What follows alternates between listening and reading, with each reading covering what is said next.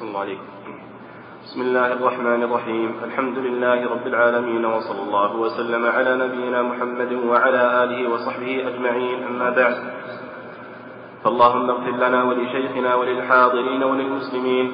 قال ابن سعدي رحمه الله تعالى ولهذا نقول حسن الخلق هذا هو مادة الأخلاق الجميلة كلها وقد اتفق الشرع والعقل على حسنه ورفعة قدره وعلو مرتبته ومداره على قوله تعالى خذ العفو وأمر بالعرف وأعرض عن الجاهلين أي خذ ما تيسر وعفى وتسهل من أخلاق الناس ولا تطالبهم بما لا تقتضيه طباعهم ولا تسمح به أخلاقهم هذا فيما يأتيك منهم وأما ما تأتي إليهم فالأمر بالعرف. وهو نصحهم وأمرهم بكل مستحسن شرعا وعقلا وفطرة. وأعرض عمن جهل عليك بقوله أو فعله فلله ما به أو فعله فلله ما أحلى هذه الأخلاق وما أجمعها لكل خير.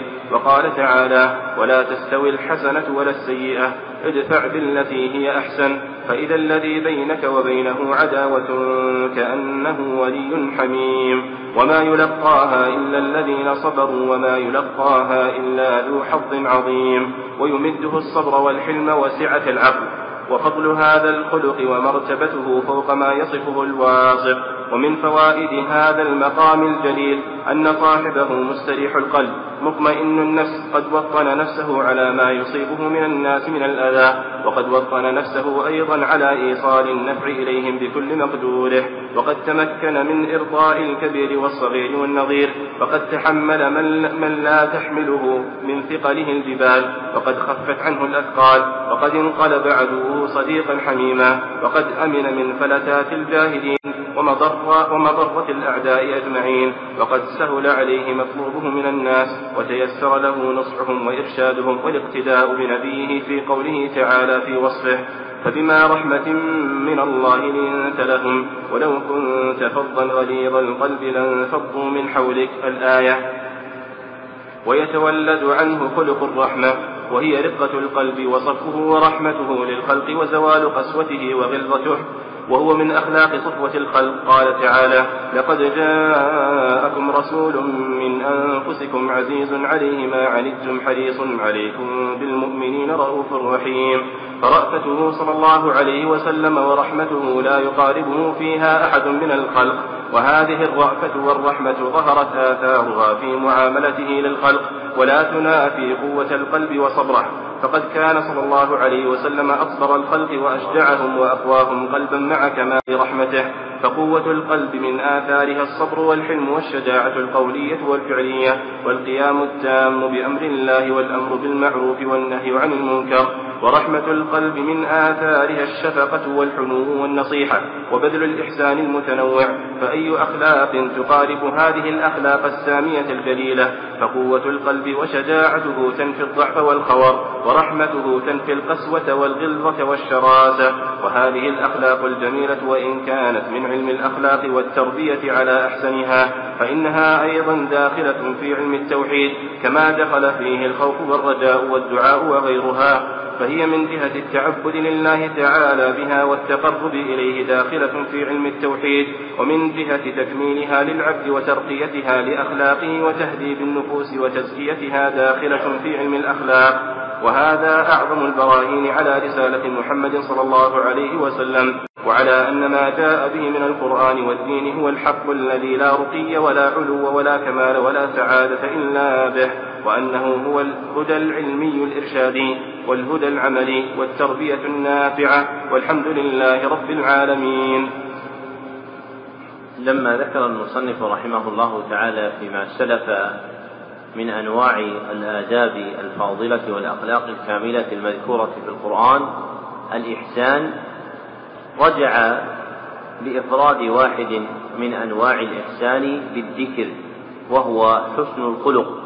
فإن الإحسان أنواع متعددة كما سلف ومن جملة الإحسان استعمال الخلق الحسن مع الخلق. وتقدم قبل أن الخلق يقع على معنيين أحدهما عام وهو الدين. ومنه قوله تعالى وإنك لعلى خلق عظيم أي دين عظيم. قاله مجاهد وغيره. والآخر خاص وهو المعاشرة مع غيره من الخلق.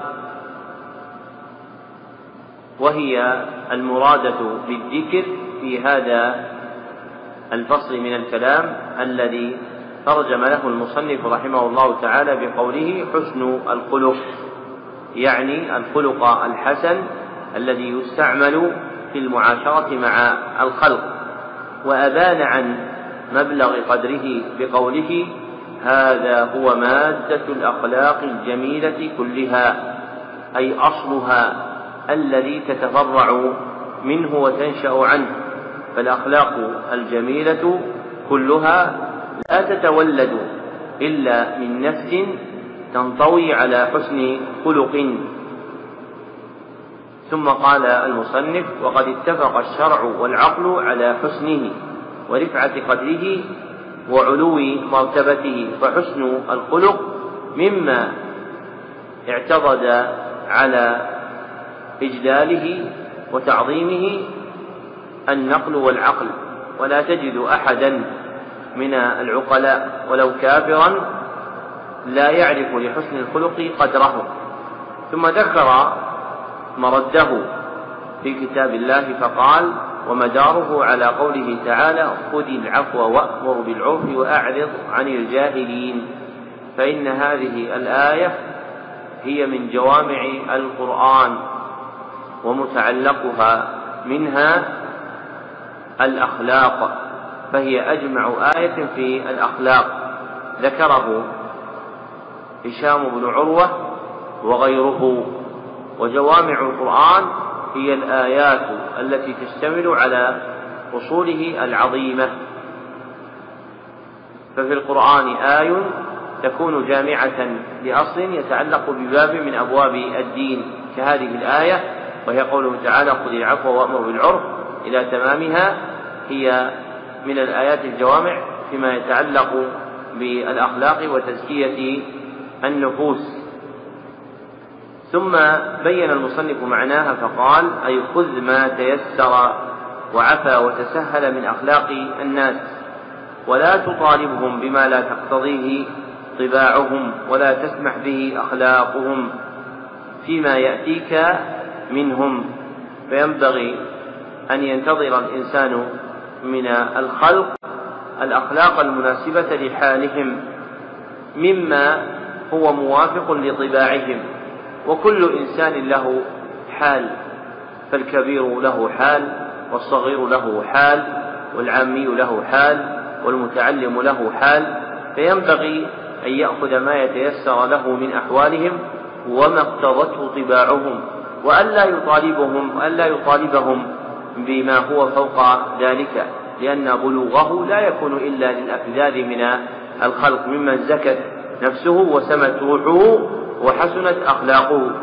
فمثلا من الطباع التي تقترن بكبار السن شدة غضبهم وسرعة مبادرتهم إلى إيقاع العقوبة بمن يخالفهم. فينبغي أن يعاملهم الإنسان وفق هذا الداعي الموجود في نفوسهم وما اقتضته طباعهم فلا يطالبهم بما هو فوق ذلك.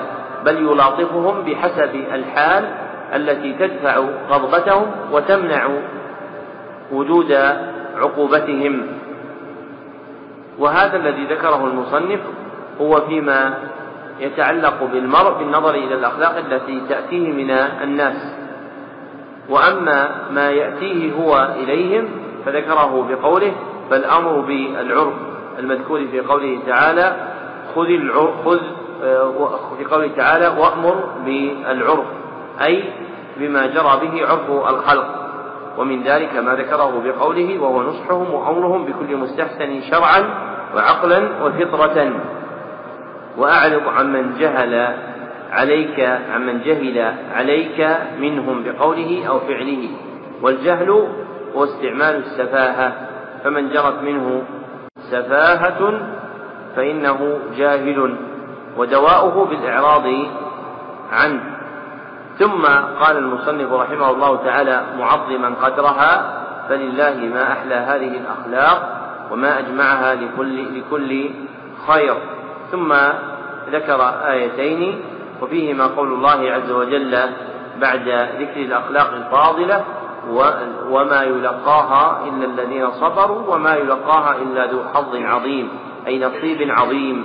فالأخلاق الكاملة لا يترشح لها إلا الصابر ولا يفوز بها إلا من أمده الله عز وجل بالتوفيق العظيم. فمدار حصول الأخلاق الفاضلة في معاملة الناس على أمرين أحدهما الصبر عليهم وثانيهما التوفيق من الله سبحانه وتعالى. والصبر يكتسب بالتصبر والتوفيق يكتسب بالاستمداد بالدعاء. فينبغي أن يجهد المرء نفسه في رياضتها على الصبر حتى يبلغ المرتبة المرجوة من معاملة الناس بالصبر عليهم. ولا ينسى حظه من سؤال الله عز وجل بالدعاء أن يوفقه إلى الأخلاق الفاضلة الفاضلة في معاملة الناس. ثم ذكر رحمه الله تعالى مأخذه فقال ويمده يعني حسن الخلق ويمده يعني يقويه الصبر و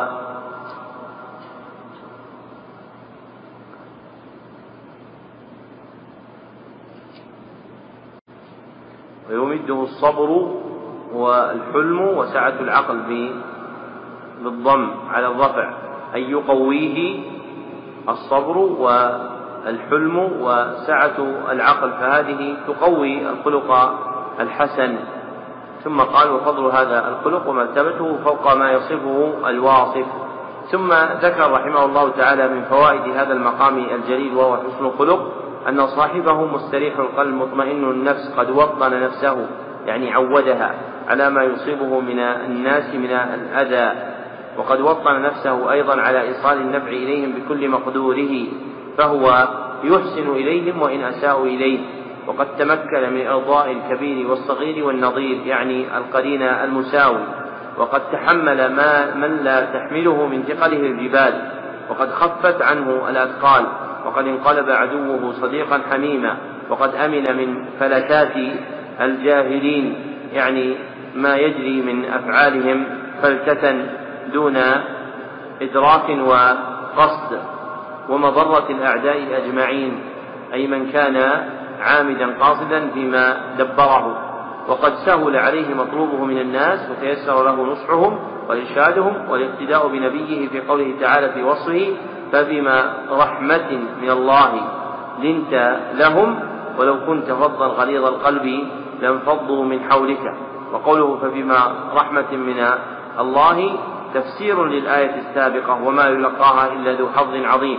فإن من الحظ العظيم وهو التوفيق وجود رحمة من الله عز وجل تكتنف ذلك العبد حتى أوصلته إلى الخلق الكامل. وهو في حق مقام النبي صلى الله عليه وسلم في هذه الآية لين قلبه بملاطفته في معاشرتهم ولو كان على غير ذلك من الفظاظة وغلظ القلب يتفرق من حوله. ثم ذكر المصنف رحمه الله تعالى خلقا آخر يتولد من الخلق المتقدم وهو الرحمة وفسرها بقوله هي رقة القلب وصفوه ورحمته للخلق وزوال قسوته وغلظته وغلظته وغلظته وهو من أخلاق صفوة الخلق. فرقة القلب لينه وانكسار جنابه وخفض جناحه للمؤمنين. وفي ذلك قال الله تعالى في وصف النبي صلى الله عليه وسلم بالمؤمنين رؤوف رحيم. فرأفته صلى الله عليه وسلم ورحمته لا يقاربه فيها أحد من الخلق. وهذه الرأفة والرحمة ظهرت آثارها في معاملته الخلق ولا تنافي قوة القلب وصبره. فقد كان صلى الله عليه وسلم أصبر الخلق وأشجعهم وأقواهم قلبا مع كمال رحمته. فلا يكمل الإنسان الفاضل إلا برحمة وقوة قلبيتين فإن الرحمة وحدها ضعف وخور والقوة وحدها غلظ وجبروت. فإن امتزج القلب بالرحمة والقوة حصل الخير كله وكذلك كان النبي صلى الله عليه وسلم كما قال المصنف فقوة القلب من آثارها الصبر والحلم والشجاعة. ثم قال ورحمة القلب من آثارها الشفقة والحنو يعني العطف والنصيحة وبذل الإحسان المتنوع. ثم قال فقوة القلب وشجاعته تنافي الضعف والخور أي الهوان والذل ورحمته تنفي القسوة والغلظة والشراسة. ثم قال وهذه الأخلاق الجميلة وإن كانت في العلم الأخلاق والتربية على أحسنها فإنها أيضا داخلة في علم التوحيد. ومقصوده من هذه الجملة الإنباه إلى أن الأخلاق مندرجة في جملة توحيد الله سبحانه وتعالى. ووجه اندراجها في توحيد الله عز وجل من جهة التعبد لله عز وجل بها والتقرب إليه فتدخل بذلك. فإن التوحيد تندرج فيه كل عبادة يتقرب بها إلى الله عز وجل فجميع الأفراد المتقرب بها إلى الله هي توحيد. فمن تقرب بالكرم أو تقرب باللطف أو تقرب بالحلم فهو متقرب إلى الله عز وجل بما يحبه ويرضاه ففعله توحيد وعبادة. وهي أخلاق من جهة تكميلها للعبد وترقيتها لأخلاقه وتهذيب النفوس وتزكيتها داخلة وتزكيتها وتزكيتها داخلة في علم وتزكيتها داخلة في علم الأخلاق. فتدخل في علم الأخلاق باعتبار أن الأخلاق يطلب فيها تكميل العبد وتهذيب سلوكه.